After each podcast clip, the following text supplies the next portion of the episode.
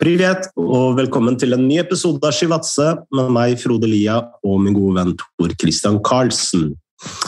Alt vel, eh, TK? Alt er alt, Sorry, det høres jo ikke ut som alt er vel, men alt er for så vidt ganske bra.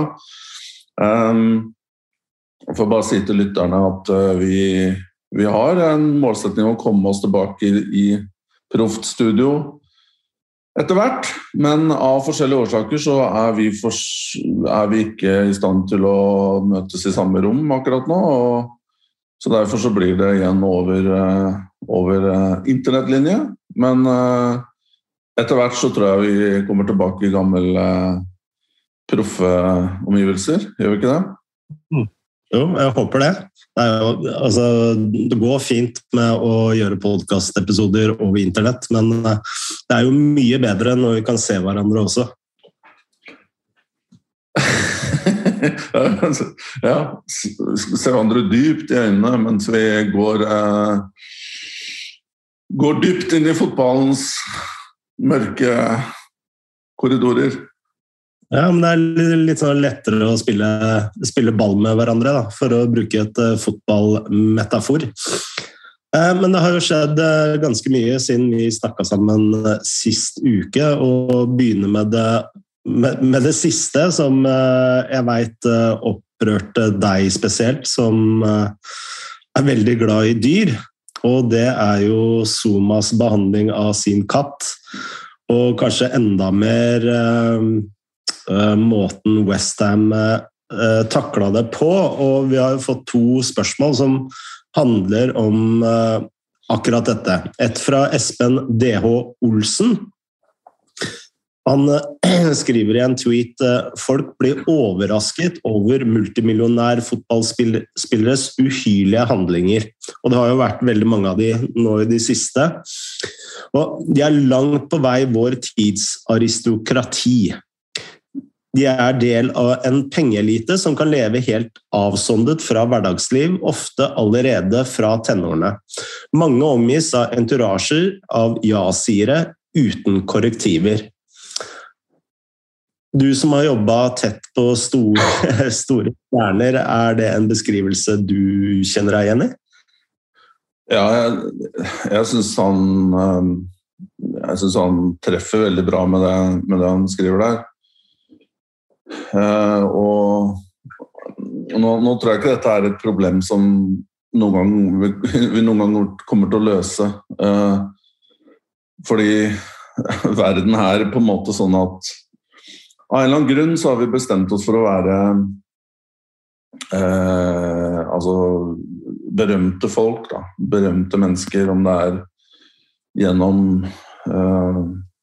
artister eller man, man ser jo både ja, det er jo ikke bare fotballspillere, men man ser jo både ja, Hollywood-stjerner som har holdt på med, med, det ene og andre, altså med, med vold og med Altså eh, fryktelige ting. Og man har jo artister som også holder på med vold, ikke sant? sanger og sånne ting. Men eh, så det er mange her som ikke har godt av den stjernestatusen. Eh, jeg tror mye av problemet er da, og Espen er jo litt inne på det, det er jo at som en, en stjerne, eller fotballstjerne, som jeg tror pengene gjør litt med deg, og, og det faktum at du lever i en veldig privilegert verden der alt er tatt hånd om uh, for deg, Mm. Fra praktiske gjøremål til, um, til hverdag. Uh, altså det er ikke en ting du ikke har mennesker til å gjøre. For hvis ikke klubben gjør det for deg, så har du en agent som har spesielt dedikerte folk til å gjøre um, miscellaneous uh, ting. Eller så har man uh, på en måte sånne hangers on da, som man betaler for å gjøre det. Som nesten er sånn personlige tjenere, og det har jeg også sett på en del fotballspillere som har liksom en entourage rundt seg, med folk som bare som det, det, det, blir jo som på en måte Ikke slaver, for det er jo kompiser å, å få betalt for dette, men, til en viss grad, men det er liksom det er jo aldri noen, et hierarki andre kan klatre i, da, enn den personen som dette her sentrerer seg rundt. Mm. Eh, og det tror jeg du må være Altså de, de, fotballspillerne jeg har truffet, da, som er på en måte oppegående, kommer fra god, eh, god familie, god, gode, godt oppdratt, kanskje god utdannelse og har litt interesser også utenfor fotballen, de har et mye sunnere liv og, og, klarer seg mye bedre på egen hånd også da, enn disse her, som jeg sier, som, som er i en sånn boble. Og da vil jeg også si at her er det jo så mange ting og det er vanskelig å vite helt hvor man skal starte, men noe handler jo om sosiale medier og hvor eh, At det er et, et redskap som mange ikke klarer å håndtere. Eh, og bruker det til på en måte Altså bommer helt på vurderinger av hva som er morsomt og hva som ikke er det. Eh, og på en måte tenker seg ikke om to ganger før de legger ting ut, da, som tydeligvis er, er um, tilfellet her med, med, med Kurt Zuma.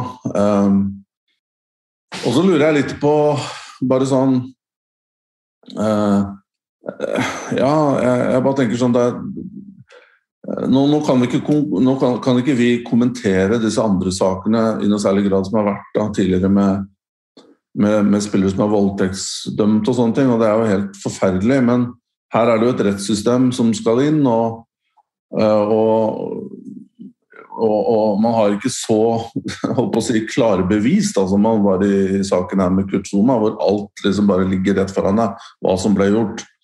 Um, ja.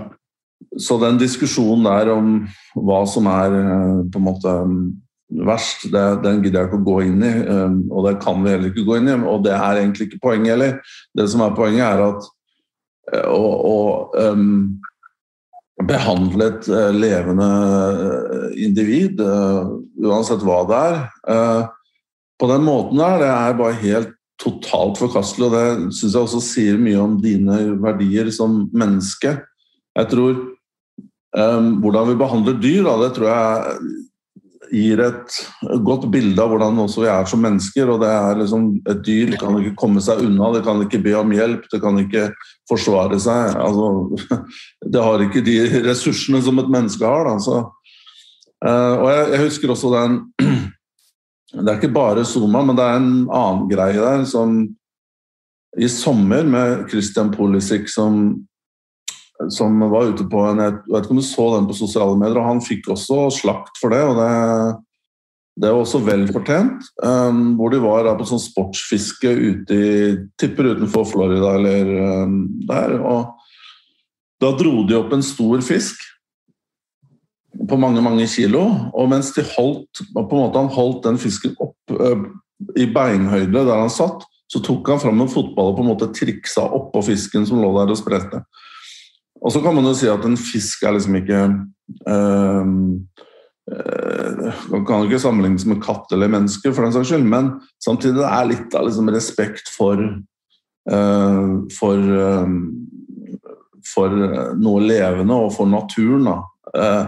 det blir liksom så ikke bare at det er ekstremt harry, men det er, det er på en måte så usmakelig. Og, så dette her er en ganske lang rant, Frode, men jeg, jeg syns bare at Eh,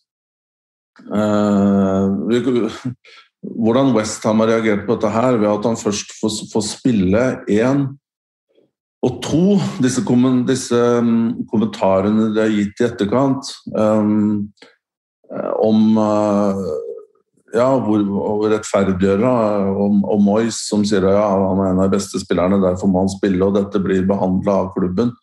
Det er ikke godt nok, altså. Er, eh, har, jeg mener Fotballspillere og klubber har et mye større ansvar enn bare å gjemme seg bak at dette her er til behandling. Eh, til behandling, ja. Eh, men eh, Og siste poenget mitt var også bare det at um, uh, Ja, nå At i det tilfellet her så hadde det ikke blitt gjort noen ting i forkant. For det er jo tydelig at Zuma på et eller annet nivå trenger hjelp. Og, og, og, den saken her egentlig fortjener en mye kjappere reaksjon. Da, enten at, da, at, at, det ble gjort mye mer enn en liten slapp unnskyldning. Det er jo sånn Det var jo tross alt broren som filma det, så dette var jo åpenbart noe de ikke hadde reflektert eh, noe over i det hele tatt. Eh, hvordan man behandler dyr. Og det jeg kanskje reagerte mest på, det var jo at det sto et barn der. Uh, altså Du sparker til en katte og jager en katte mens det står et lite barn og ser på det hele. Det tenker jeg er enda mer skjerpende. Men jeg syns det er veldig interessant det du snakker om uh, whataboutism. Fordi det er noe jeg også har opplevd mye i i eh, tidligere saker om f.eks. voldtekt, da, eller om eh, Qatar-saken f.eks., hvor det er ofte mye sånn whataboutism. Ja, men er det ikke, uh, som man også ser her med denne Zuma-saken. Ja, men tenk på, er ikke voldtektssaken mye verre? Uh, og så ser man at det ofte er Uh, I dette tilfellet da, Westham-fans Jeg har ikke sett noen norske Westham-fans, men uh, du ser uh, engelske Westham-fans for, nærmest forsvare handlingen. Da. det var jo mye verre det Greenwood gjorde eksempel, som et argument da, for at det var helt ok for at Zuma skulle spille i går. Og det tenker jeg er, når vi snakker om sosiale medier, det er den største faren for en ordentlig diskusjon er all denne whataboutism som blir ekstremt forsterka i sosiale medier. Uh, ja, jeg, men, inn, jeg bare hoppe inn her, og, og, jeg støtter deg 100% der. Ikke bare med whataboutism, men det andre er også at og Det er en av grunnene til at fotballspillere slipper, og, og for så vidt stjerner og, og folk med en viss hva skal jeg si, fanskare og popularitet, grunn, mye av grunnen til at de slipper unna med ting, det er jo fordi at man har folk som, eh, som backer dem og tar deres side av saken uansett hva de har gjort. Du kan omtrent stå med smoking gun, eller du kan, du kan bli avbilda med, med en machete med blod på så kommer det liksom hundretusener av fans og forsvarer. Ja, men han ble provosert. Ja, men det er ikke han som har gjort ditt og datt. Det er, liksom, det er et så fryktelig lavt nivå på, på disse menneskene som ikke klarer å skille sak, person, moral um, og objektivitet er helt totalt fraværende i, i, hodene til disse menneskene. Og som bare hiver seg på sosiale medier fordi man er fans eller supportere Altså man, man, ser jo det helt Ja, altså Se på store stjerner da, som har blitt på en måte Det er jo mange som har blitt involvert i det ene og andre.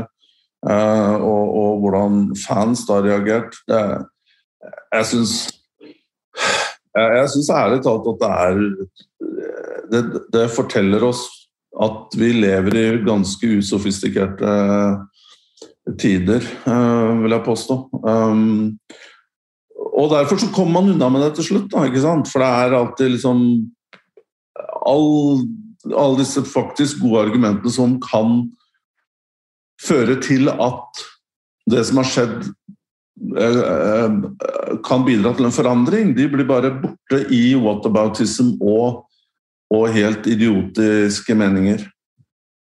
Mm. Eh, kanskje litt på sida, men en ting som har slått meg med fotball, som lever av uh, publikum, uh, altså publikumsinntekter og sponsorinntekter, at uh, verdibasert ledelse og rekruttering ikke er mer utbredt. at du At du ikke har et sett av uh, forpliktende verdier, da, sånn som nå i Sumas uh, tilfelle, at uh, han, han, får spille kampen etter at sånne bilder er ute. Altså, det syns jeg er utrolig slående. Ja, her burde jo klubben også ha en type code of conduct, da, som, man, som mange kaller det. at hvis du ja, som du sier, hvis du har kryssa en eller annen linje her, eller gjort noe som er stikk i strid med, med sunne prinsipper som klubben skal representere, så er du ute inntil, uh, inntil videre. Um, Og her er, ligger jo bevisene klart for dagen, hva som er gjort da. Så det er jo på en måte ikke noe det her er ikke snakk om at noen blir dømt før, eh, før, um, før rettssak. Uh, men, det, men, det, er jo klart sånn på, på prinsipielt basis er det jo klart at det er vanskelig for klubber å For jeg, jeg tror nok det kommer til å komme en diskusjon nå i kjølvannet av mye sånn rar og uh, rett og slett flau, uh, forkastelig oppførsel. Så får vi se hva disse, de to andre sakene her, da, som, som vi har illud, eller på en måte alluded to her, hvordan de ender. Er, som sagt skal man inn i en uh, rettssak og, og, og, sånne ting. Men det, det, er klart Det er jo veldig vanskelig for klubber å um, hva skal jeg si um, være 100 sikker på at man har skaffa seg spillere som er uh, som, som, klarer å holde seg innenfor visse, uh, visse grenser. Um, Westham kan jo ikke gjøre så veldig mye med at en legger ut dette her på, på sosiale medier hjemmefra. Liksom, og du, du må jo bare stole litt på at eh, fotballspillere som har kommet så langt i karrieren, at de, at de også kommer fra akademier eh, der man har hatt ganske strenge eh, retningslinjer og prinsipper og gode verdier. Um, et, Zuma er vel fra Sankt Etienne, tror jeg. Mulig jeg bommer her, men nå har jeg ikke søkt opp det. Men jeg, jeg tror han er, er fra Drammen. Han, han, han kommer egentlig fra en klubb som heter Volks N. Berlin. Men han ja. spilte på ungdomsakademiet til St. Etienne fra 2009 til, til han gikk videre til A-laget til rundt 2013 eller 2014, rundt der, tror jeg. Før han gikk til Chelsea. Ja, og, og det, der vil jeg jo tro også at man jobber ganske mye med med helheten, da, med, med mennesket. Jeg, jeg, var jo en periode i Monaco som jeg nevnte tidligere, og som er kjent. Men jeg hadde jo ikke noen direkte Jeg hadde så veldig mye med akademi der å gjøre, men der hadde man jo spillere fra de var 13-14 år. og Mange av dem bodde på internat der på stadion, bl.a. Og der, der la det jo også ned en veldig stor innsats i sagt Satt på spissen av oppdragelse og, og, og lære spillere hvordan man skal representere klubben og seg selv, og kanskje også gi dem et godt utgangspunkt til å, til å håndtere livet også utenfor fotball. Da. Hvordan man skal opptre for å bli likt og kanskje en gang skaffe seg en familie og få seg en sivil jobb og sånne ting. Det var veldig viktig. Det, det var mye gode grunnleggende verdier da, som man lærte. Men det er klart, man får aldri gardert seg mot 100 eh, mot at folk ikke blir en idiot på et eller annet tidspunkt. Eh, men, men, men jeg skjønner jo at det, det, begynner å bli mye nå. Eh, nå tenker jeg altså De to andre sakene som jeg ikke gidder å nevne med navn her, men som alle vet hvilke jeg sikter til. Og, og, og dette her i tillegg, da. Og det er liksom jeg, jeg, jeg, blir utrolig skuffa hver gang det dukker opp sånne ting. Um, og blir egentlig ganske uh, kvalm og irritert. Mm. Uh, bare et uh, sånn avslutningsvis et uh, anekdotisk bevis da, på hva verdibasert ledelse egentlig kan gjøre. Og Det, jeg husker jeg har alltid vært uh, stor fan av landslaget, som sikkert de fleste nordmenn er. Men jeg merka etter sparkingen av Drillo, så mista jeg plutselig helt lysten på å se landslaget spille fotball. Uh, så jeg, jeg, klarte virkelig ikke å følge med landslaget uh, slik jeg hadde gjort tidligere. Altså, jeg så selvsagt playoff-kampen til Per-Mathias Høgmo og, og, sånne store kamper, men jeg klarte ikke å følge med på samme måte. Men når Ståle Solbakken kom tilbake og tok et så klart standpunkt uh, som han gjorde da, i Qatar-saken, så blei jeg Altså, jeg blei blodfan igjen. Jeg merka jeg pulsen gikk opp når jeg så landslaget spille igjen. Altså, jeg ville virkelig heie på, på landslaget. Jeg ville komme på Ullevål og se kampene. Uh, og jeg vil jo tenke at uh, Eller jeg håper da at uh, det også vil gjøre seg litt gjeldende med, med klubbfotball nå. Vålerenga, som er et, min klubb da, i mitt nabolag, som jeg har heia på i hele mitt liv. Mm. Og jeg husker hvor flaut det var å heie på Vålerenga etter eh, Francis-affæren, hvor det ble kasta bananer inn på banen. Men samtidig hvor stolt jeg ble når Vålerenga eh, eh starta Vålerenga mot rasisme, f.eks. Som har hatt utrolig innvirkning eh, samfunnsmessig i den bydelen eh, jeg bor i. Eh, faktisk eh, veldig underkommunisert. Altså Hvis du gikk opp Sveigårds gate, hvor jeg eh, bor i nærheten av nå, på 90-tallet, så var det nazister Altså det var blodnazister på hvert gatehjørne omtrent. Altså Det er venner av meg som kunne liksom gå opp Strømsveien og stå i fare å bli banka opp av bootboys med baseballbats, liksom. Så, så ille var det på, på begynnelsen av 90-tallet. Og hvor Vålerenga fotball eh, virkelig jobba med altså, verdier og kommunisere verdier. Og man på midten av 2000-tallet liksom eh, hadde 18 000-19 000 inne på, uh, på Ullevål. Uh, det hadde jo selv, og det var jo ikke sånn at resultatene alltid gikk én vei. Altså, vi var jo nede i Obos, eller Adecco som det het den gangen, kanskje. Hvis jeg ikke husker helt feil. Eh, så dette med verdier er ufattelig viktig, og kan også være eh, Nå skal ikke jeg bli helt NTF her da, og kalle fotballen en business, men, eh, for jeg mener jo fotballen er jo mye mer enn en business. Men verdibasert ledelse kan også bli god business. Da. Det er poenget mitt. Ja, og jeg syns det er fint at du trekker fram noe positivt her. Starten her ble jo ble jo ganske prega av det som skjer i England. Eh, og jeg, er helt enig med deg. Sånn generelt så syns jeg også at det er på sin plass egentlig å og, og, som du har gjort, da, å gi litt kreditt til, til norske klubber, som eh, faktisk eh, har mange gode eh, tiltak.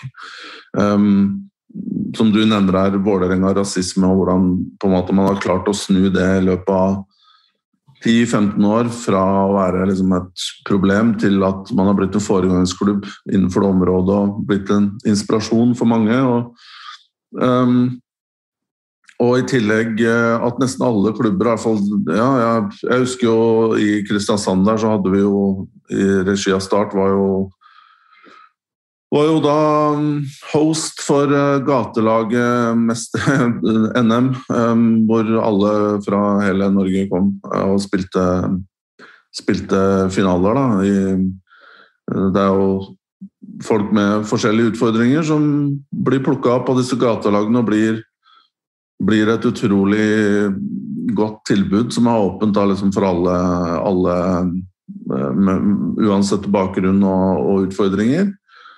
Um, og så tar man jo også ja, det, det, er jo det lokale, og så tar man, syns jeg også man har vært flink til å ta eh, standpunkt uh, utover, da. Um, på, på, større større uh, issues. Jeg så jo Jeg så jo Vålerenga uh, Han heter Ole Kristian Sandvik, er det han heter? Um, som, ja, riktig. Ja, som eh, jeg tror han muligens skal inn i Vålerenga-styret, i hvert fall har lansert seg som en kandidat. Og han, han la vel fram noen forslag, eh, så på Twitter, om at man skulle forsøke å innføre noen prinsipper om eh, ja, anti eh. At at man skal ikke legge eh, treningsleirer til visse steder. Eh, og sånne ting. Um, så ja, er, jeg syns det er fint at vi, vi avslutter det, den um, sekvensen her med noe positivt. Mm. Eh, men det er jo likevel en fin eh, Segway over til neste neste punkt på dagens agenda, og da skal vi til Lillestrøm.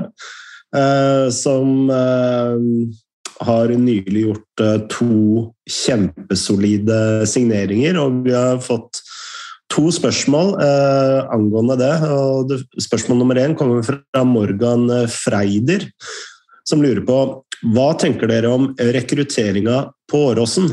Kan LSK være med helt i toppen? Eh, og så får vi et oppfølgingsspørsmål fra Morten Galaasen i samme tweet. Hvor god kontroll tror vi egentlig Simon eh, eh, hadde da han snakket om is i magen i påvente av det internasjonale vinduet skulle stenge? To relativt store navn kom inn nesten umiddelbart. Kunnig eller heldig? Um, starter vil starte med det siste. Det er jo for så vidt ganske enkelt å svare på, fordi um, Det var jo ikke, ikke heldig. Uh, det er man ikke på Åråsen fordi man der uh, grunn, altså, Man jobber jo godt der, og man har en strategi, og man har fått uh, liksom, Man gjør ting Man har tydeligvis, som jeg sier, en plan. Men det er jo eh, De to spillerne som kom, Frid Jonsson og Ibrahim Ayan, de var jo på en måte Jeg tipper at de eh, Grunnen til at de kom akkurat nå, eh, det handla vel om at én, at de ikke fikk spilletid eh, på respektive klubblag. Eh, Ibrahim ble jo til overmål fristilt fra kontrakten. Og så tipper jeg han satte da agenten til å Eller i begge tilfellene at de jobba også med muligheter andre steder enn Norden. Så derfor så var det nok um, Derfor så holdt, hadde de nok litt is i magen, så de venta til overgangsvinduet internasjonale, i hvert fall de fleste land, var stengt. Og så så de at ok, nå har vi ikke fått noen tilbud fra kanskje større ligaer, og da er jo Norge et Eh, eller Norden en option. Mm. Og begge, begge, spillerne har jo lykkes godt tidligere, både i Viking og Ålesund respektivt. Um, så det er jo ganske trygt um, å, komme tilbake til en liga som de mestrer. Så det, det er jo en kombinasjon av at Lillestrøm har blitt en attraktiv klubb. Um, av ikke bare sportslige årsaker, men muligens at de spiller på på naturgress og, og sånne ting. Uh, og, og, selvsagt at Simon er, uh, er uh, Ja, han er skrudd på, da. han er våken. og han er også ja. veldig dyktig til å selge inn, selge inn klubben.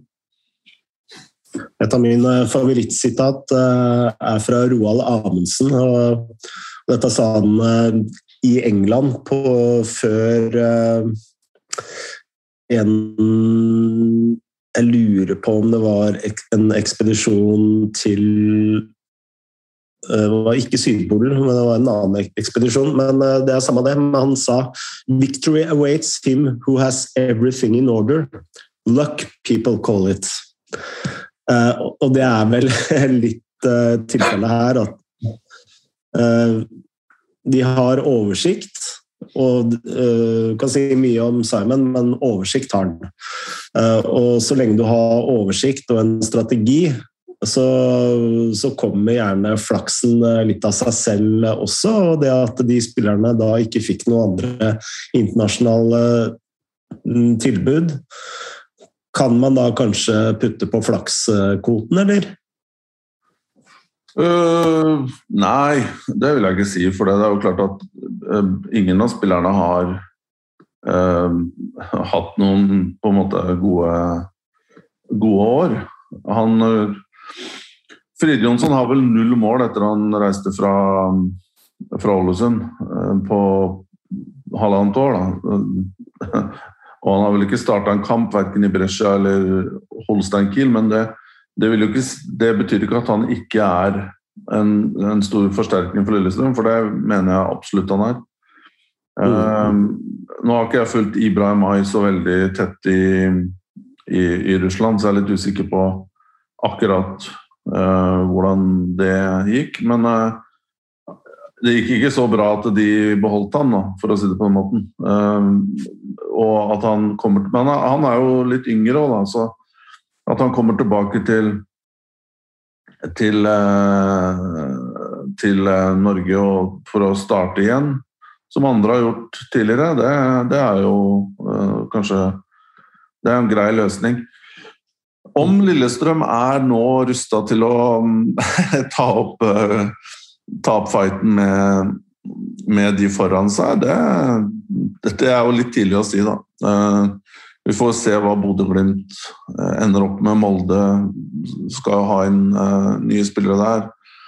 Både jeg tror spiss og, og andre posisjoner. Og Viking var vel også foran, foran Lillestrøm. Um, der er det jo klart at man, der har man jo også fått inn noen gode, gode spillere. Um, og så får man se om eh, tapet av Bell, hvordan det, hvordan det vil påvirke eh, ja, mekanismene i, i, laget. Men jeg, jeg, tror vel ikke at Lillestrøm på en måte har um, Frid Jonsson er en god spiller, men det er klart han er jo en annen type spiller enn Thomas Lenn Olsen, som, som har liksom bakrom og, og, stikker og går på alt og er liksom sylskarp og er på hele tiden, og samtidig også en veldig god avslutter. Frid Jonsson er jo mer um, oppspill og innlegg og um, ja, og mye, mye større. Du får ikke den gjennombruddstrusselen med, med han.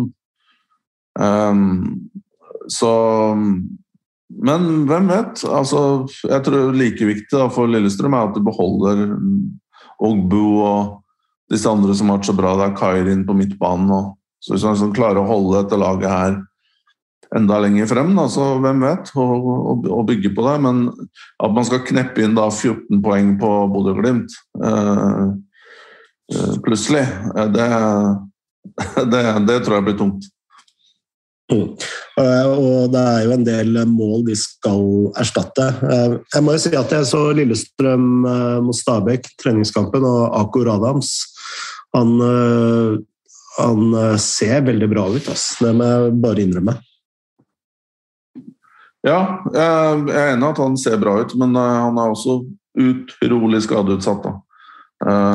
Så det er jo også en sikkert en grunn til at de vil ha mer enn mer enn bare ja, enn bare han der, da. Og, og. Adams kan vel også brukes litt ut på kant og, og sånn også, men han har hatt noen stygge skader i, i, i karrieren der. Men, men, det er klart, vi skal ikke undervurdere, og, som du sier, Frode, at man mister Thomas Lene Olsen som, som skårte 26 mål i Eliteserien. Man kan ikke forvente at altså, hvis Fridtjonsson skårer 12-14, så er jo det for så vidt en ganske god return. Og da er det fortsatt, er det fortsatt nesten dobbelte som må til. Da. Eller du må faktisk doble det for å komme opp til Lene Olsen. Så det er nok veldig god signering, men vi må ikke glemme hvilket år han eh, godeste Thomas Lennolsen hadde i fjor. Bra. Uh, uh, ja, skal vi si et par ord om uh, Bell ut, Solbakken inn? det det blei jo litt sånn jeg må jo si at uh, sosiale eller medieavdelingene til norske klubber begynner å komme seg veldig. For Altså, det er jo morsomt. Men uh, når, når, man plutselig kan lese Stabæk uh, Stabæk-kontoen på Twitter til, uh, til Viking-kontoen at nei, Solbakken er ikke klar. Og så ender Kjartan Salvesen opp med å synge ballader. Serenader. Serenader, ja. Eh, men vi har også fått et eh, spørsmål om eh, hva vi tenker om Markus Solbakken. Og om vi tror at han kan gjøre suksess i Eliteserien og, og Viking. Og hvis jeg skal komme, gå først ut, så definitivt så tror jeg han kan gjøre suksess og gjøre det bra i Viking, men om han klarer å erstatte Bell fra dag én, det tror jeg ikke. Fordi jeg tror Solbakken har en del steg han må ta. Før, altså, det var jo ikke veldig suksessfull eh, den tiden han hadde i, eh, i Stabæk. Og kan jo si at uh, det er vanskelig å prestere på et dårlig lag som, som sliter. men jeg etterlyser kanskje litt mer sånn råskap i, i Solbakken. Uh, særlig defensivt. Uh, han har jo mye råskap sånn uh, verbalt, men ikke Altså, jeg ønsker at han tar enda mer plass. Og ikke minst så, så syns jeg han som sentral midtbanespiller trenger å få ballen fremover i mye større grad. Jeg syns foreløpig så går det litt for mye på tvers og bakover. Jeg vet ikke hva du tenker om Solbakken? Jeg, jeg, jeg, skal være helt ærlig her, og jeg, jeg så ikke nok av Stabæk i, i, fjor til å egentlig kunne uttale meg om noe særlig Noe særlig um, autoritet om han. Jeg så, jeg så noe, litt på TV, um, og noen ganger så når jeg ser kamp på TV, så Ja, det, det har jo vært liksom utfordring å komme seg til kamper eller komme seg på kamper uten at uh, Ja, eh, de siste par årene så jeg Men jeg husker jo han fra HamKam. Uh, og han jeg, jeg, husker han eh, gjennombruddet, på en måte, den første sesongen. Jeg lurer på 2017, hvor han Da var han ja, Han var vel 16 år da, i begynnelsen av sesongen. Uh, og gikk inn på midtbanen der, og han spilte vel til slutt da over 100 kamper for HamKam. Um, ja, så jeg, jeg, husker jo uh, husker han, Men jeg, jeg, jeg, på en måte vurderte han da, så på han mer som en 18-19-åring med Og så Jeg så ikke han som Og det er litt sånn som du sier, da, at jeg så ikke på han som eller jeg vurderte ikke han på det som en, på en måte, spiller som skal gå inn for å erstatte en, en som allerede har vært en toppspiller. Da. Så jeg, jeg, har på en måte vurdert og øh, hatt blikket på han uh, med tanke på at han er et talent. Uh, og, og, derfor så er den 2021-sesongen egentlig ganske viktig, for det er jo eneste sesongen han har da i Eliteserien. Og som jeg sier, jeg så altfor lite av han til å kunne kunne gjøre opp noe solid mening om det. og Jeg har heller ikke sett på tallene hans. Jeg har jo noen programmer jeg kan gå inn og se litt på på, uh, ja, på, på masse, masse forskjellige tall, men eh, det har ikke fått gjort. seg jeg, men han er, han er, 21 år, ikke sant? han er født 2000 hvis jeg ikke tar feil. og han, han med den type spillere så vet man jo at liksom plutselig så Plutselig skjer det, da. Om det er over en, over en sommer eller over en, en høst. Og, mm. og, det er jo klart at det vikinglaget der bortsett, så kan man jo kanskje si at Bell var, var motoren og arkitekten til mye av det som, som skjer fremover på banen, og, og for så vidt også defensivt. Um, så men, men, eh, det laget er jo bedre enn Stabæk-laget. så um, Og han vil kanskje komme inn da, som du var inne på, da, i en setting der der man har mye mer selvtillit og man vet at man skal kjempe om andre ting enn bare nedrykk. Um, mm. Så jeg er veldig spent på det. Og, men man vet jo én man kan jo si én ting sikkert, da, det er jo at han har mentaliteten i orden.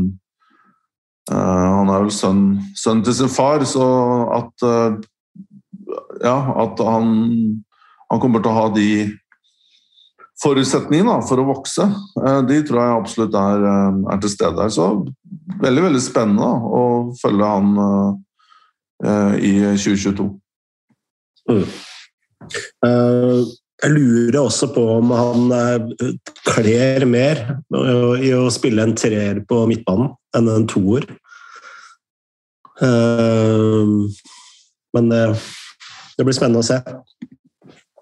Men jeg kan bare ta og plukke opp Det, det, var, det, det var, litt morsomt det som du sier, da, det med at det ble annonsert av Viking før eh, tydeligvis alt papirarbeidet var eh, i orden mellom klubbene. Um, men det var vel Det er jo litt sånn Det er jo kult å få ting ut, da. Og um, det er også et lite skup for, på Viking.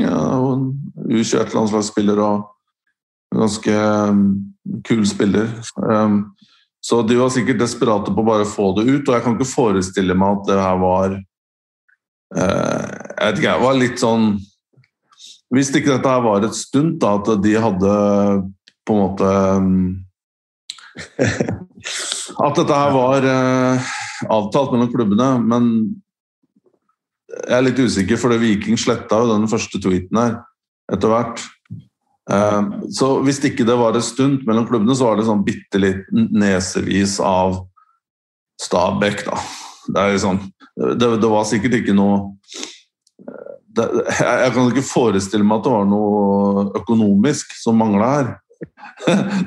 det, og, og Stabæk on brand. Det er vel Stabæk on brand. Ja, det er, det er, vel det. Men jeg, hvis ikke dette var avtalt, syns jeg det var litt unødvendig.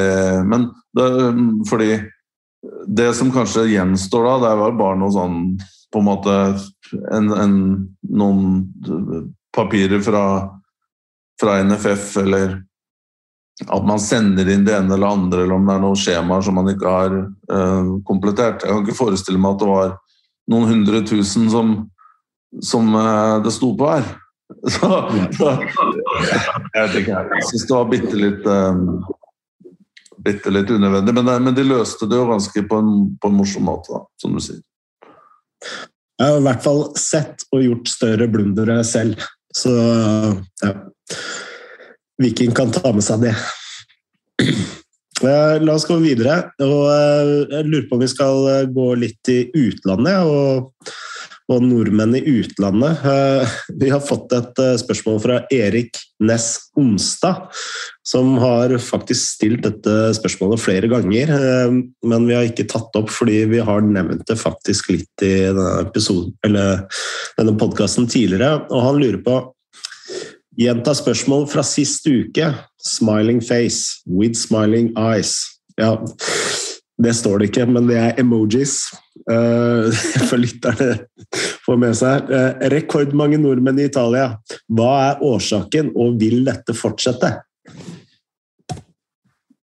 Ja um, Jeg tror det henger sammen med at um, det, jeg, jeg, jeg, vil jo si at um, Haaland og uh, Haaland i første rekke da, er jo på en måte en en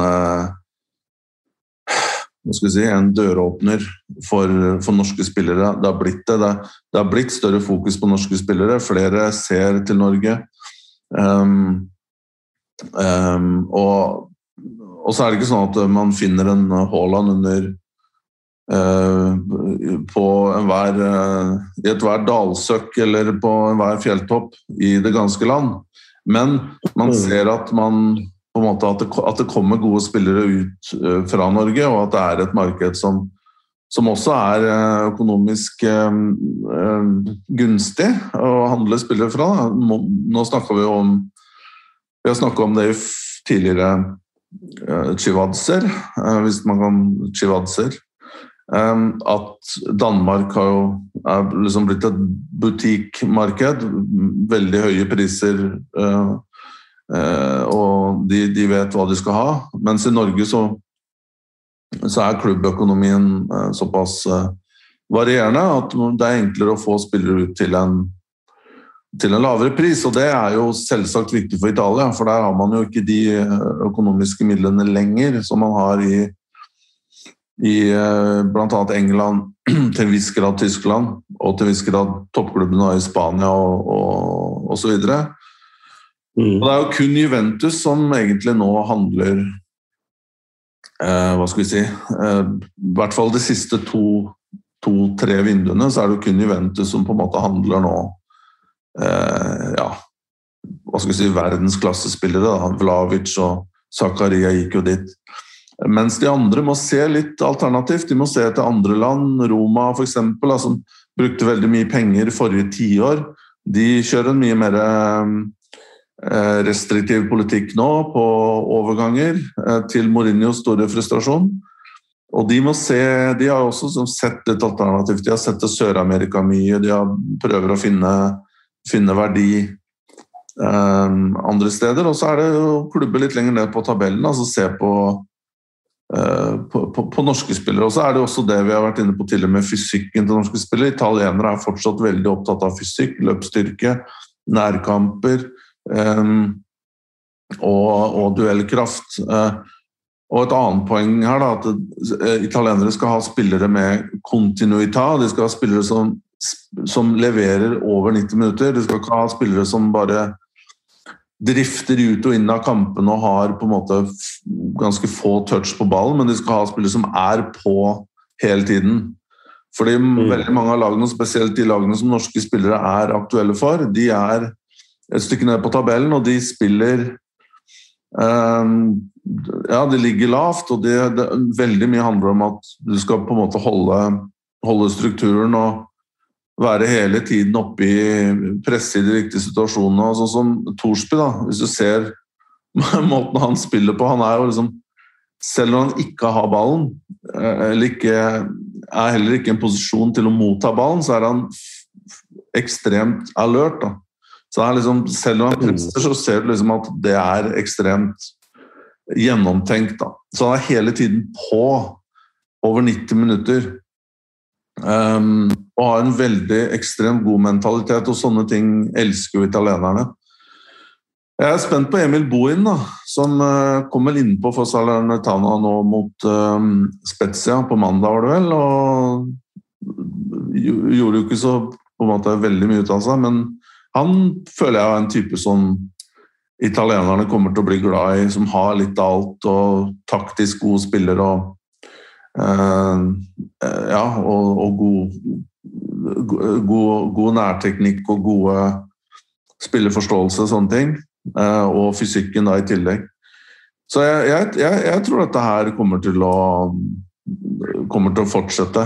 Det er ingen tegn på at økonomien i italiensk fotball kommer til å bli noe særlig bedre med de neste tre-fire årene. De må det er mange hestekurer som må, må drikkes der. Og, og, og, da, mm. da, og, da, tror jeg norske spillere er igjen da, um, representerer god verdi for, for, penger, og for så vidt blitt spillere som passer godt inn da, i, i, fotballen. her. Det er min, um, min uh, take.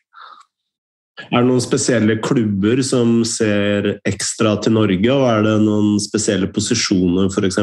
de de ser ekstra Jeg kan tenke meg eh, midtstoppere f.eks. er kanskje ikke like attraktivt i Italia, fordi de har så mange på dusinet selv, og, og, Norge sliter med å, å skaffe midtstoppertyper selv. Um, ja. Ja, jeg Nei, eh, jeg, jeg, tror vel det er spesielt de klubbene sånn mellom La oss, la oss si åtte og ja, egentlig fra åttendeplass og nedover, da, som er mer eh, mer på, på, på, norske spillere. Eh, men jeg, italienerne er jo jeg, jeg tror sentrale midtbanespillere. Da har vi sett at det er flere. Du har Bohin, du har Askildsen, du har um, Du har eh, Torsby, som jeg har vært inne på. Og så har du Eh, men, men, de er opptatt av at, du må ha fysikk. Da. Det ser du med Konradsen Seido, som er på en måte eh, Ja, han er kantspiller eller wing, men han, har jo, han, er, han er jo stor og tettbygd. og mm. um, det, det, vil italienerne ha. Og, og, men, men, du har jo et par stoppere der. Du har Strandberg som ja, har litt sånn der, spesiell karriere. Da. Litt sånn journeyman og kommet inn via sideveien med Trapani, tror jeg. Han kom først i liten klubb på Sicilia. Og så nå er han jo Salernitana bunn av, av um, Serie A. Og det er en klubb som mest sannsynlig, eller 95% sannsynlighet, går ned. Um, men jeg, jeg, Og så har du Østigård, da, som er stopper i, i Genoa. Um, men jeg, jeg tenker jo at det er nyttig erfaring. Dette er jo ikke klubber som har Som er stabile. Eller Genoa har jo vært i Serie A i mange år, men det ligger jo alltid nede og, og kaver i nedrykksstriden. Og nå ser det ut til at de også går ned.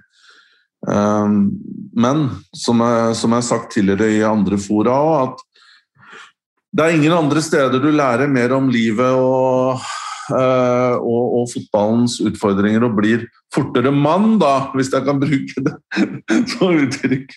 Uh, gammeldags uttrykk. Enn i en nedrykksstrid i Italia. Da, det, da, får du på en måte Da lærer du veldig, veldig mye. Eller menneske, som kona mi liker å si det. Uh, ja, jeg tok meg selv at jeg jeg beit meg i tunga akkurat da jeg sa det, det, ordet. Så jeg tar det til etterretning og får håpe Karianne ikke hører på, på Chivadze. Kan jeg ikke forestille meg. Eh, du skal føle deg trygg. Eh, eh, vi har fått et annet eh, spørsmål som er litt relevant. Øyvind Mjøsund han lurer på om vi kan snakke om fordeler ulemper ved manglende utkjøpsklausul og den skjulte bruken av gentleman's agreement i norsk fotball. Og Da refererer han til uttalelsene til Jimmy, Na Jimmy Nagel og overgangssaken med Jappet Seri Larsen. Ja, um jeg, jeg, skvatt veldig da jeg så de uttalelsene hans til, eh, til, BT eh, for et par uker siden. Bare gjøre det klart først. da. Altså, det er jo ikke lov i norsk fotball, ikke sant? Ja. Um, nei, det er altså ikke lov å formalisere utkjøpsklausul. Uh, verken på noen som helst type, type uh, betingelser. Om det så er um, om det så er en sum, eller om det så er ved et nedrykk, eller, eller whatever. Det, det, det godtar ikke NFF. Og så, jo, så hadde jo da Brann også en lignende, lignende sak da med Sivert Heltene Nilsen, som gikk til Hors, Horsens, var det vel i Danmark. og da var det vel omtrent akkurat det samme som ble sagt, da, at han hadde en type gentleman's agreement. Og da ble at han fikk gå da for en en viss sum. Og, eh, og Brann fikk jo en liten bot, da. Um, så det jeg skulle fram til, er at jeg stussa veldig da jeg så de kommentarene på Det var Mats Bøyum som meldte det på Twitter, og så, så bare kasta jeg meg på det og skrev Oi, er det Med litt uh, glimt i øyet så skrev jeg er ny uh, Heltene Nilsen Gate. Og så så jeg jo at uh, andre kom på banen etter hvert, men um, dette har jo blitt diskutert i det vide og det brede. Um, og akkurat det med um, utkjøpsklausul per se kan man spørre akkurat hvor, hvilken uh, Fra hvilken synsvinkel man ser på det. Om du ser det fra en agent spillerside, eller om du ser det fra en klubb uh, sin side. Um, jeg, jeg tror når alt kommer til alt, så tror jeg ikke du oppnår Um, jeg, har hatt, jeg, har diskutert det litt med Joakim Jonsson, som er uenig med meg i det her. og Han, han er jo en stor tilhenger av at man skal innføre utkjøpsklausuler. Og han mener at det vil gjøre norske klubber mer attraktivt for utenlandske spillere. Eller for så vidt også nasjonale spillere. Nå parafraserer jeg Joakim her, så jeg får sikkert høre det hvis jeg feilsiterer. Men det er på en måte i hans meninger da, i et nøtteskall. På min, jeg på min side tror at Jeg tror ikke det har noe veldig mye å si for utenlandske spillere, for de som vi klarer å få hit til Norge, er uansett De faller ikke under en, inn i en kategori, i mine øyne, som gjør at utkjøpsklausul vil være avgjørende for om de kommer. Enten så ender vi spillere, enten henter vi spillere direkte fra la oss si Afrika. Der kommer spillerne Altså, de er desperate på å komme. Uh, mm. Så hvis, hvis man da setter en utkjøpsklausul, så er det egentlig bare for å tilfredsstille en agent, eller for å gjøre det lettere å få spilleren ut for agenten. Spilleren vil jo ikke på en måte tenke så langsiktig. Han tenker jo førsteområdet å komme seg ut av om det er Nigeria eller Ghana eller Elfenbenskysten eller Senegal. De tjener kanskje noen hundre dollar i måneden hvis de, gang, hvis de noen gang får de pengene. Gjerne lavere summer enn det. Så de sitter jo ikke og tenker strategisk og jeg må ha en ditt og datt. Så, så det at man da har en utkjøpsklausul um, det tror jeg kan spille inn ganske negativt i de tilfellene der, fordi som jeg sier, de spillerne kommer uansett. Uh, og da tror jeg heller at det er agentene som vil, uh, vil uh, få bedre kort på hånda, da, og da gir du fra deg et unødvendig kort. De andre tilfellene av utenlandske spillere som kommer til Norge, det er spillere i første rekke uten kontrakt, som um, på en måte sirkulerer rundt i systemet. Um, og som egentlig ikke er attraktive for større ligaer. Det betyr ikke at de ikke kan være gode i Eliteserien og på en måte starte på nytt og få en karriere i Norge. Det, det skjer jo uh, absolutt. Men igjen, de spillerne er i første rekke opptatt av en kontrakt. Og få spille og få en lønn. Uh, og det uh, og, og, og, da er det heller ikke Da er ikke du i en situasjon hvor du trenger å gi en utkjøpsklausul. Og det, det, tror jeg også altså Dette ble diskutert veldig med Kasper Junker i tilfelle. Han fikk jo tilbud fra flere klubber. Um, det var vel i januar i fjor. Og da ble det jo på en måte argumentert for at ja, han burde hatt en uh, ut, utkjøpsklausul. Det hadde vært bra for begge parter. Jo, men Kasper Junker var, var, var, en god spiller i Stabæk, uh, for all del. Men ingen kunne forutse at han skulle skåre nesten 30 mål i Bodø-Glimt. Så du, du, kan på en måte ikke legge inn det argumentet etter at spilleren har slått til. Og Bodø-Glimt fikk jo en mye større sum eh, for han til slutt. Jeg tipper de, de fikk godt over 20 millioner, tror jeg, fra, fra Japan. Enn om at de bare, bare nesten for moro skyld skal gi fra seg mange millioner på at spilleren skal få en klausul på la oss si 10 millioner, da. Fordi mm. Kasper Junke, På det tidspunktet Kasper Junke signerte for Bodø-Glimt, så var ikke han i en posisjon til å til å kreve en utkjøpsklausul, mener jeg, da. Um, så, så, det er den biten der. Uh, når det gjelder gentlemen's gentleman's agreement, så Så Ja. Det, det her er jo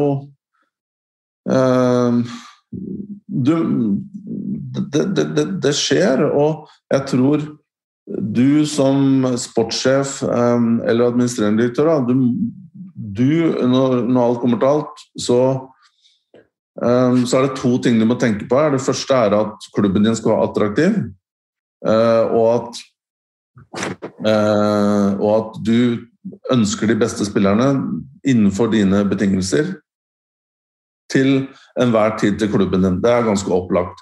Og Derfor så må du ha visse verktøy til å gjøre til å gjøre det attraktivt. Um, og så er det fint å vite at på en måte, jeg er ikke under noe press til å formalisere at det er utkjøpsklausul. er ikke lov i Norge, så greit.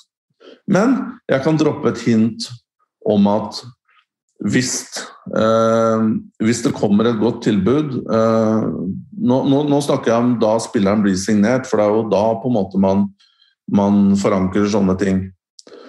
Eh, at man da hinter frampå at vi er en klubb som eh, vi er, vi er, en klubb som ikke stopper våre spillere eller ansatte for den saks skyld til å gjøre til å gjøre fremskritt i karrieren. Og hvis det kommer ting som er gunstig både for, for spilleren og, oss, og det er en på en måte symbiose der, så, så finner vi en løsning.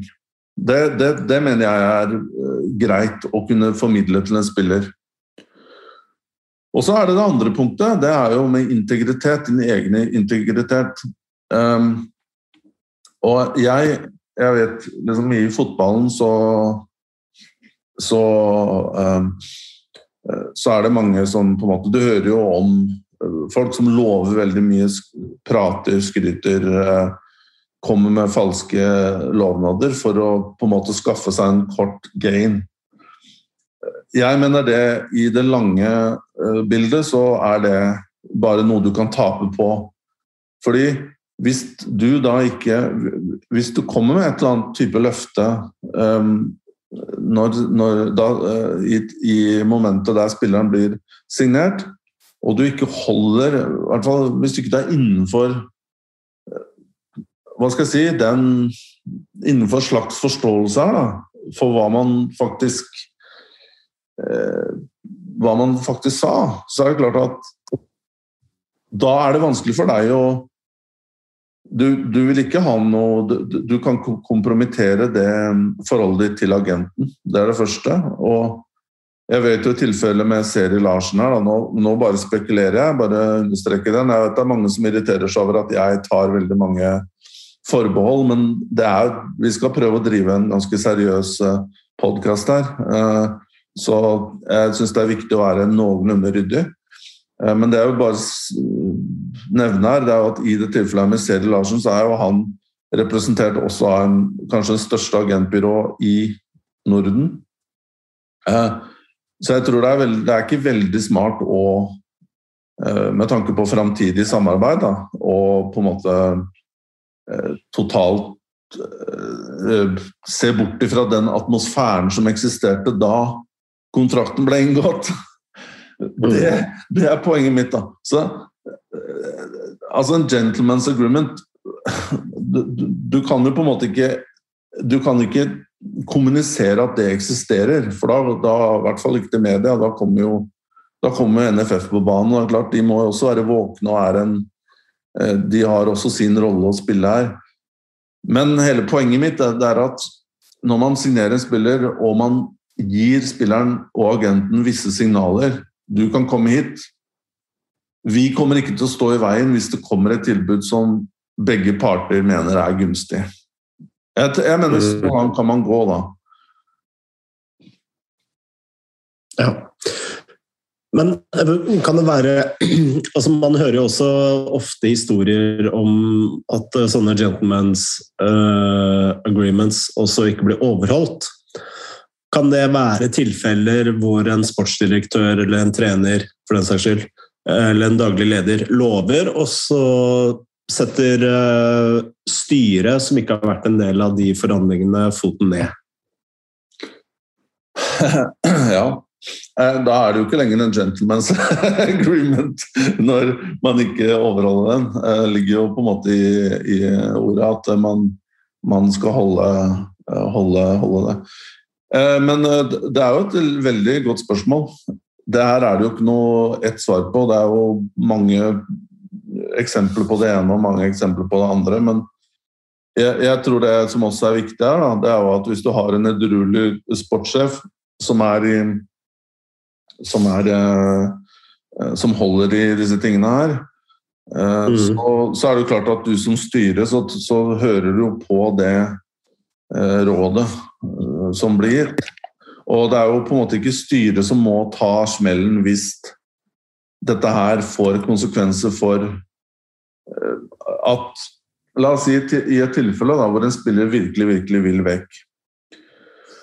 Og det er mange igjen. Det er ikke en, um, det er ikke et tilfelle som er likt det andre her. Men jeg må prøve å snakke litt generelt. Um, og i noen tilfeller så er det spilleren som er en dick og, og, ikke fortjener å komme seg bort, men du risikerer at spilleren fortsetter å være dickhead i uker etter uke. Helt på feil mm. grunnlag. Det skjer. Og det er liksom det kortet da, som agenter bruker for å presse klubben. At ja, ok, hvis du ikke lar spilleren gå, så, så, kommer han til å lage dårlig stemning, og han kommer til å gå til media og fortelle løgner. Det har jeg hatt selv. Um, hvor det har gått liksom til, til det punktet hvor agent rett og slett har bare sagt at uh, ok, hvis ikke du lar spillene gå, så, så går jeg til media og får han til å fortelle det og det om deg eller om, om, klubben. Altså Rett og slett bare fabrikkere løgner. Og media de går jo ofte tar, eh, det, det, altså, det er jo ikke ofte liksom Man kan i hvert fall ikke være sikker på at media da først ringer klubben og sier er dette her riktig.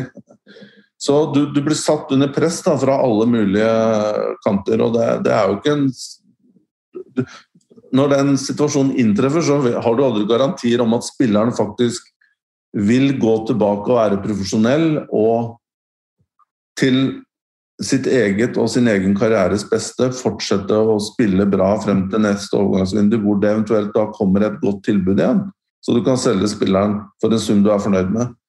Så Poenget mitt er at det er ikke, det er ikke mm, styret som til slutt blir sittende med disse management-utfordringene på daglig basis. Det er det jo treneren og sportssjef og, og de andre i, i teamet, da, til og med medspillerne, som blir sittende med. Og Derfor så mener jeg jo at en sportssjef som eh, i hvert fall i teorien da, skal være den øverste sportslige ansvarlige, bør i hvert fall langt på vei styre de eh, avgjørelsene der. Eh, NTF de har jo i sitt nye strategidokument satt som mål om at norske klubber skal selge spillere for 1 milliard kroner per år. Og det er vel en firedobling omtrent for hva som har vært i Hvis du legger tallene for 2019 og 2020 til grunn.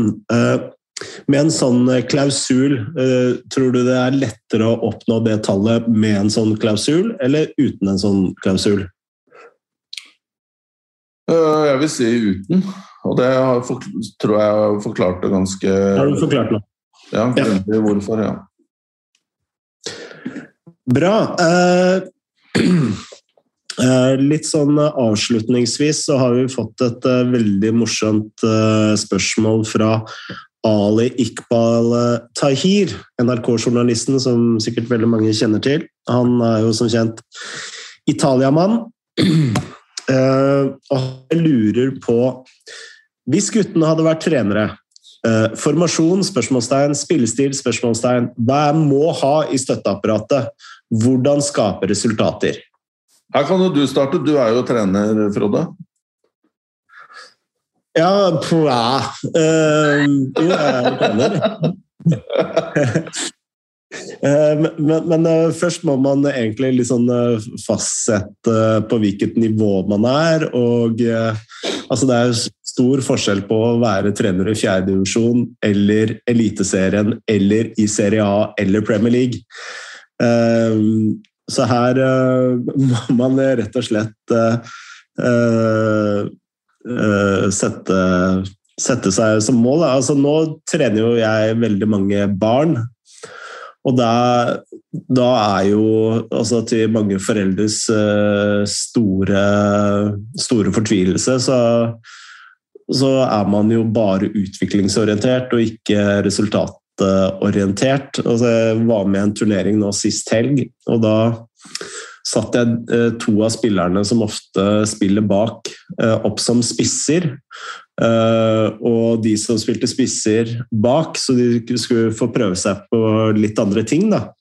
Og da endte det jo selvsagt med at vi slapp inn et par mål, og foreldra var Eller ikke Et par foreldre var utrolig irritert på akkurat det der. Eh, og sånn kan man jo, man jo ikke gjøre i, i voksenfotballen. Eh, så eh, hvor skal vi legge nivået hen? Nei, jeg tror Ali har eh, toppnivå i, i bakhodet her. Kjenner jeg han rett? Ja. Du, men jeg, jeg, jeg syns du bør eh, ta føringen her. La oss eh, si vi eh, snakker om toppnivå Norge, da.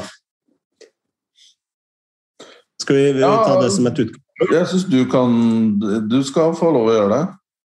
Ja. Uh, ja, altså Vi begynner med støtteapparat. Da. Uh, og, uh, for det, dette har jeg litt sånn tanker om, i og med at jeg har liksom vært en del av, av det over lengre tid selv. Og jeg tror man først må liksom gjøre noe Hvis du som hovedtrener, da, så må du egentlig begynne med en analyse av deg selv. hva du er god på selv, og hva du er dårlig på selv. Og Nils Arne Eggen var jo et godt eksempel på det. For eksempel, han visste at han var veldig lite interessert i forsvarsspill, så han skaffa seg en en, eh, en, assistenttrener som var veldig god på forsvarsspill. Eh, I Bjørn Hansen, f.eks. Eh, og jeg er vel veldig dårlig på detaljer og litt som Jostein Grindhaug i Haugesund som fortalte at med en gang han fikk en assistenttrener som var god på data, f.eks., god på struktur, god på planlegging, så så blei trenerjobben for han mye, mye enklere. Og han kunne bruke tid på, på, feltet, som var det han likte å gjøre. Men veldig mange hovedtrenere er jo motsatt. Veldig, Kjetil Rekdal, f.eks., som du har jobba med, han liker jo mer den motsatte. Ha en assistent som eh, er den som er på feltet, mens han kan være den som overser det hele. da. Så eh, der tror jeg man må starte. Og eh, hvis jeg skulle hatt en eh, assistent, så måtte jeg hatt en, eh, en, sånn mann som var god på planlegging og god på struktur. Som kunne legge opp treningsuka og eh, i tillegg flink til å, å analysere motstandere. Da. Sånne ting som eh, jeg ikke er så god på. Jeg, jeg liker best å, å holde treningene og være ute på feltet. Snakke med spillerne. Eh, så en god analysemann eh, og en uh, assistenttrener med god struktur tror jeg er det første jeg ville hatt på plass. Uh, og så begynner man på, på, litt sånn ting man må velge Altså i norsk eliteserie, da, så er det jo ikke sånn at du kan ha et støtteapparat på åtte, ni, ti mann. Veldig mange klubber har jo et apparat kanskje bare på fire pers. Bare det å ha en keepertrener på plass, er du faktisk et par Uh, ikke Eliteserien, men i hvert fall i Obos-ligaen så er det jo mange, uh, mange klubber som faktisk ikke har en keepertrener engang. De har kanskje en keepertrener som kommer innom uh, ja, en gang eller to i uka. Men en eh, keepertrener uh, måtte jeg selvsagt hatt. Uh, og så tenker jeg at en fysisk trener må ha på plass. Og da tenker jeg at spesifikasjonene til en fysisk trener i Eliteserien er kanskje litt annerledes enn det den f.eks. er i, i Italia og Tyskland og andre steder, hvor man har kommet, kommet litt Eh, lenger, tror jeg, i fotballen. Og særlig med tanke på eh, sånn FMS-screening og sånn, som eh, Milan var kjent for ganske tidlig hvor eh, alle spillerne får et ganske spesialsydd eh, opplegg. Eh, først screener man spillerne for å se etter om de har noen bevegelseshemninger eller spesielle muskler som de er svakere på enn andre, som gjør at de er ekstra skadeutsatt. Det er en sånn type ressurs jeg også ville ha, ha fått inn. Så der, eh, det er vel eh, i tillegg til en eh, fysio. Men i tillegg så vil jeg også skaffe meg stor ekspertise, eller medical, som det heter. Ikke sånn på fast tid, men jeg ville ha, ha skaffa meg ekspertise. Så der har du et apparat på fire med ekspertise, ekstern ekspertise som jeg hadde henta inn. Eh, i tillegg til eh, fysio. Eh, med tanke på formasjon og spillestil jeg vil ha Altså, det er to ting som er som må ligge til grunn. Det er soneforsvar. Den eneste sannheten i, i, i fotballen er at soneforsvar er mer effektivt enn mannsparkering. Det tenker jeg er forska så, så mye på. Eh, så det ville ha lagt til grunn. Eh, formasjon, og, og offang, det offensive må jo liksom stå i stil med hva slags uh, Dette er jo kjedelig svar, da, men det må jo stå i stil til hva slags uh, spillere du har uh, tilgjengelig. Men personlig så er jeg utrolig glad i, i 4-3-3. Sånn jeg kjenner det systemet, så er det systemet som er kanskje det mest, mest fleksible. Og eh, med 4-3-3 så kan du både spille ballbesittende direkte og mens 4-4-2 f.eks. Jeg mener jo det er vanskeligere å spille en ballbesittende fotball med 4-4-2 enn det det er med 4-3-3. Så eh, ja, det er eh, mitt kjappe svar oppi det hele. ja, jeg syns det var ganske Altså, ja um, Holistic uh, tilnærming, som, uh, som Manchester City kalte klubben uh, da de sparka Mancini og ansatte Manuel Pellegrini. For de, ville, de mente han passa til deres holistic tilnærming. Og da ble det jo tøysa mye med det i media at holistic forbinder jo folk med sånn, sånn meditasjon og ja, stearinslys og yogamatter. Um, ja, men det er jo litt sånn uh, Dan, uh, Daniel James gjorde et uh, intervju tidligere i uka hvor han fortalte om forskjellen på en treningsuke i Leeds og treningsuke i Manchester United. Da. Og det syns jeg var ganske Ikke alarmerende, men litt sånn avslutt altså Jeg er jo en stor Marcello Bielsa-fan, men det er ikke nødvendigvis eh, eh, med tanke på hvordan eh, Bielsa spiller fotball. Han, jeg er jo stor tilhenger av soneforsvar, og Bjelsa spiller jo mannsmarkering, så, så, det er ikke det. Men jeg syns måten han bygger opp en treningsuke, sånn metodisk, er noe av det Noe av det jeg tenker er liksom best practice, da. Hvis jeg skulle ha drevet en, eh, drevet en uh, klubb. Og treningsuka til Bielsa da, den tar utgangspunktet i hvordan uh, Leeds i dette tilfellet skal spille. Og så bryter han ned hele spille, spillestilen deres, blanda med inngangen til neste kamp, fordi han, han endrer jo taktisk mye fra kamp til kamp etter motstanderne, og særlig etter hvor, hvilken formasjon motstanderne spiller. Man blander jo mye med 4-3-3, 3-4-3 osv. Og det er jo for å, å tilpasse seg motstanderen, da. Men i løpet av den treningsuka så har han, har han, har han 40 øvelser og de 40 øvelsene handler egentlig bare om å bryte ned hele spillestilen i små biter. Og det gjør at du begynner kanskje én mot én dag én, og så ender du opp ni mot ni uh, utover uka. Da. Eller i, i, økta.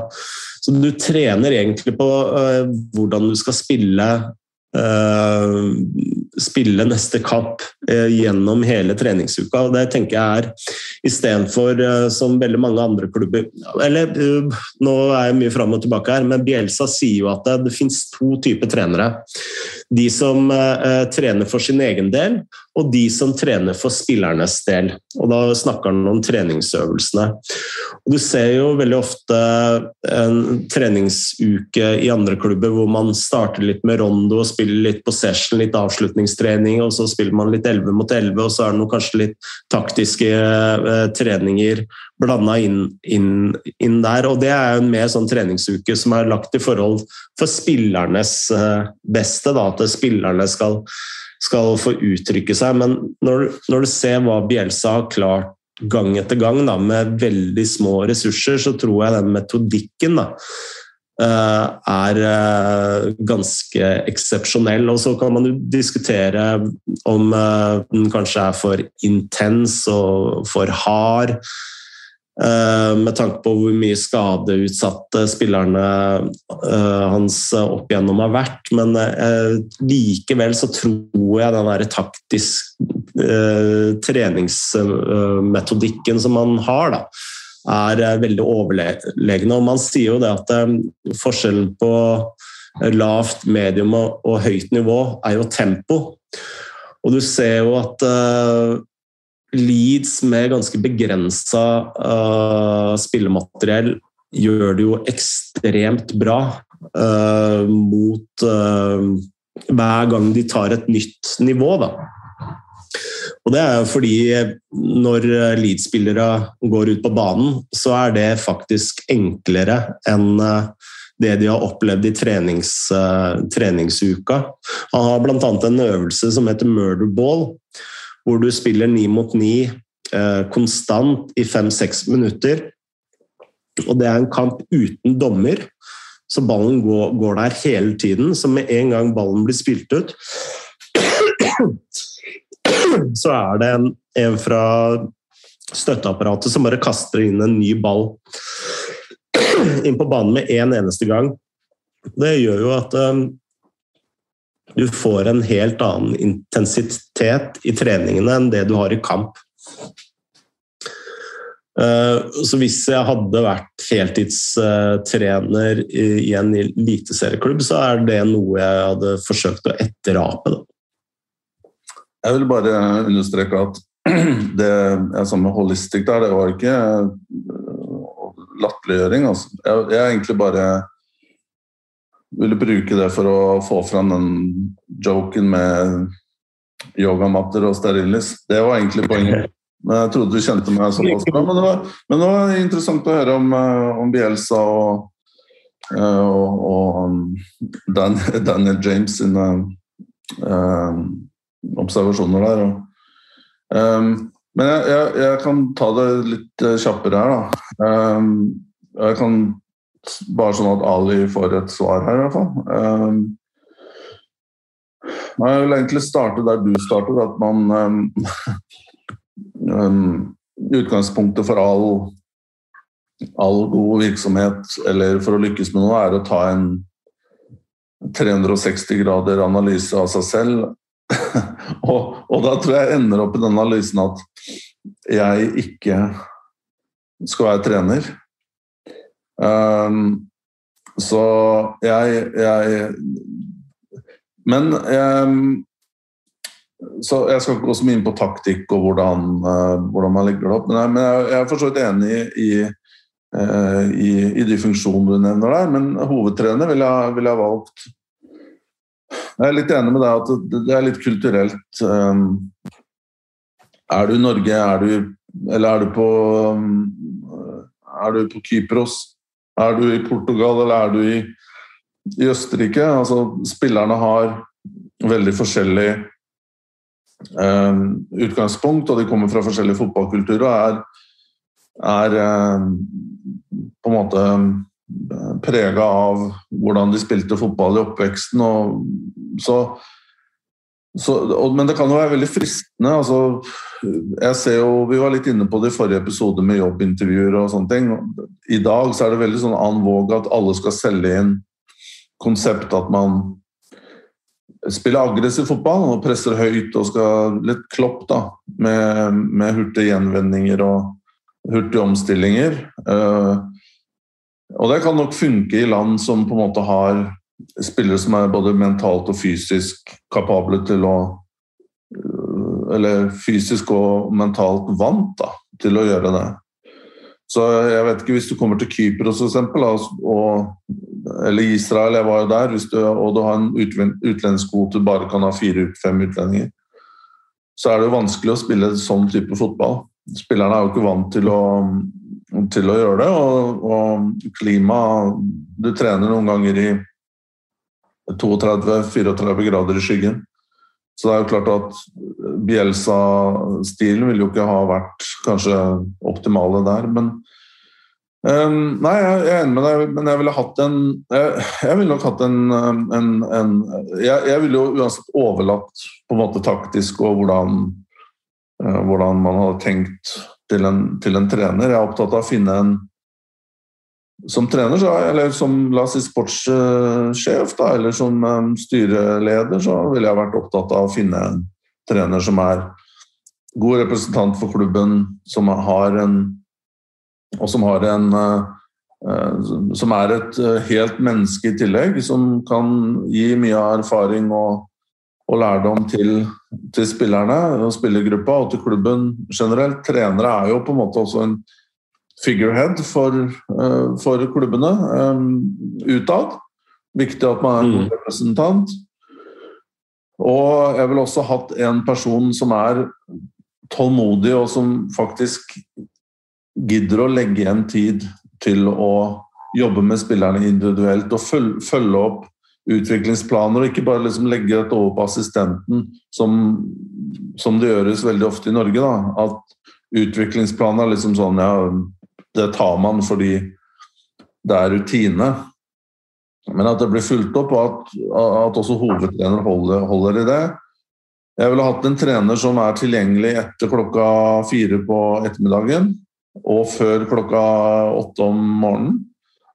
Eh, og som på en måte eh, også, også, som lever fotball 24-7, for det tror jeg du må gjøre på toppnivå.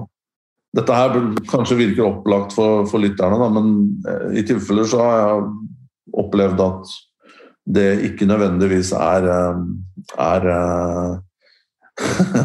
eh, gitt da, med alle. Så. Men det, de funksjonene du nevner der, er jo, er jo bra. Jeg vil også knytte til meg eh, hvis, hvis, vi snakker i en norsk kontekst, da, vi kan jo holde oss til det, så ville jeg hatt med meg noen som var veldig dyktig på, eh, på, på tall og på analytics, som kan utdanne både oss ledere, trenere, spillere på hvordan man bruker tall, hvordan man måler egne og andres prestasjoner gjennom tall. Eh, det ville ha vært en berikelse, tror jeg, i miljøet. og og en eh, sportspsykolog, eh, gjerne spesifikt på fotball, som jeg også ville ha trukket veldig nært inn i miljøet. Og ikke bare på sånn på en måte Hva skal vi kalle det? Rykk og napp nå har vi tapt fire kamper på rad, så nå henter vi en sportspsykolog. Det er jo gjerne sånn det, det ofte er. Men, men, at sportspsykologi da, eh, og psykologi generelt had, har en fast plass i, i miljøet og i hele fotballklubbens eh, eksistens, det hadde vært uh, uh, veldig bra, tror jeg. Eh, så det er egentlig bare det, det jeg vil føye til. Jeg kan bare nevne én ting. Og eh, tilbake til det Daniel James-intervjuet eh, og det du sier om at uh, ikke overlate én-til-én-intervjuer eksempel, til assistenten. Så nevner også James at hver eneste uke så har Bielsa én-til-én-samtaler med samtlige spillere. Hvor de går gjennom klipp både fra treningene på den enkelte spiller og eh, kampsituasjoner. Og Det er også noe jeg har erfaring selv, at uh, hvis du skal uh, håndtere makrobildet, da, så den aller beste måten å gjøre det, er ved å håndtere mikrobildet, altså enkeltspillere. Eh, som trener så kan du f.eks. stå foran en kamp da, og snakke til 20 eh, spillere i en garderobe, og så ser du deg rundt, så ser du at det er egentlig kanskje bare to-tre spillere som én forstår hva, hva du sier, punkt to hører etter hva du sier. Uh, så den praten du har liksom eh, foran alle, det, er, det blir så eh, generelt og diffust, selv om du som trener føler at du er veldig konkret. Da. Ja, det er jo et veldig, veldig godt poeng. Eh, og, og, der mener jeg det er veldig stor forskjell på, på, på, på dyktige og mindre dyktige trenere. Jeg har vært en del i garderober før og etter kamp. Eh, noen eh, Og jeg bare, bare så lytterne har det klart fortsatt. jeg, jeg, jeg som sportsdirektør har aldri på en måte funnet meg bare til rette i en garderobe uten å ha spurt hovedtrener først. Det mener jeg er et godt prinsipp. Og det verste jeg ser, og det er litt sånn norsk greie òg, at liksom For meg så er garderoben hellig, og de som skal være der inne, de skal ha en grunn til å være der inne. Det skal liksom ikke bare bli en sånn um, Jeg har jo fortalt den historien tidligere, var i en klubb hvor etter et tap, det første som møter meg på, på gulvet, da, så sitter det et par-tre barn og leker. Uh, etter, det var før spillerne kom inn i garderoben etter et tap. Viktig, viktig kamp, eller uavgjort lå der, men i hvert fall elendig forestilling. Og det på en måte vi, vi, vi, skal ta dette her Vi, vi skylder supporterne og, og, klubben å ta vårt yrke og profesjonalisme, altså profesjonalitet, hva det heter det, Vi fortjener Eller de fortjener at vi tar det på alvor. Og der mener jeg at det skal ikke bli liksom så laidback at det blir amatørmessig. Uh, så, jeg, så, har jeg fått på en måte Det er folk som mener at jeg er og har vært for um, Om du vil autoritær, da. Men det, det, er jo ting jeg har plukket opp av folk som er mye klokere enn meg, og, og har satt standarder da, som jeg mener er, er, er viktige. Um, og jeg, jeg tror det er viktig innenfor fotball, altså prestasjonsmiljø og idrett. At ikke alt skal være så fryktelig laidback til enhver tid. At vi på en måte har den respekten her. Og jeg vet at det er norsk, det er veldig veldig norsk, og det er en særnorsk greie at det skal være det skal være litt laidback og folkelig, vi skal ikke ta det altfor høytidelig. Og vi klarer tross alt å prestere OK under de med det bakteppet der, men samtidig så Jeg er av den oppfatning at jeg tror også det kan være nyttig å skru til noen, ganger skru opp eh, Hva skal jeg si Om det er profesjonalitet eller om det er seriøsitet. Da. Det tror jeg, tror jeg, er veldig viktig. Men eh, noen trenere syns jeg er veldig flinke til å, på en måte, som du sier, at forberedelsen har skjedd i uka. Spillerne én til én kjenner oppgavene veldig klart. Um, og så blir jo ikke alltid så, så, så, så, det du ender opp med før kamp, er noen korte beskjeder, noen generelle prinsipper som man skal um, oppfriske ut på banen. Og så er det i pausa da, så er det på en måte veldig mange oppfatninger om hva er en hva, hva skal man gjøre og si der? Um, ingenting. Skal man uh, Men kampbildet blir jo ikke alltid sånn som du eller blir jo sjelden sånn som du kanskje har forutsett det. og det, det, betyr at noen justeringer må gjøres. Og Her syns jeg også det er veldig stor um, forskjell på trenere. Mange som kanskje hvis du ligger under, så blir du veldig sånn prega av resultatet og skal ha ut så mye informasjon og så mange justeringer på en gang, så blir det sånn Det blir ikke coherent, det blir ikke klart. Som du sier, det blir for mange instrukser og um, men eh, der har du igjen også de beste som igjen klarer på en måte å holde, holde roen og klarer å formidle hva eh, på en ryddig og klar måte hva som skal gjøres for å, for å, eh, eh, for å lykkes bedre andre omgang. Og det verste som er, det er jo babling og stressa prat. Da, det får ingen med seg. Mm. Og, sånn, så akkurat på bare, eh, bare fullfør den. Akkurat på kommunikasjon, det å klare å formidle et budskap enkelt, klart, to the point, eh, slik at alle kan forstå det, det tror jeg er en ekstremt viktig skill. Sånn avslutningsvis eh, du, du, som har sett en del trenere på, på nært hold. Hvem er det som har imponert deg mest sånn, eh, i pause, pausepraten? Um,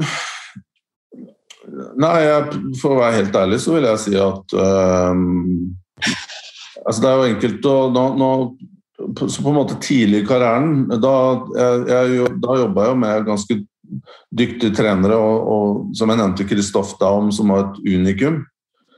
Men jeg kom aldri inn i den garderoben der i Bayer Leverkosen, så det så jeg aldri for meg selv.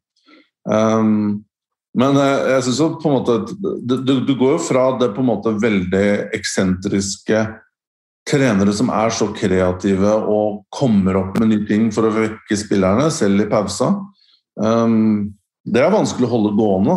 For etter hvert som mer du overrasker og flere stund du kommer, jo høyere blir forventningene til at du kommer med Du topper det med noe nytt. Men jeg må jo si mm. eh, jeg må si der, på sånne ting, eh, så vil jeg jo si at uh, Kjetil Rekdal er dyktig.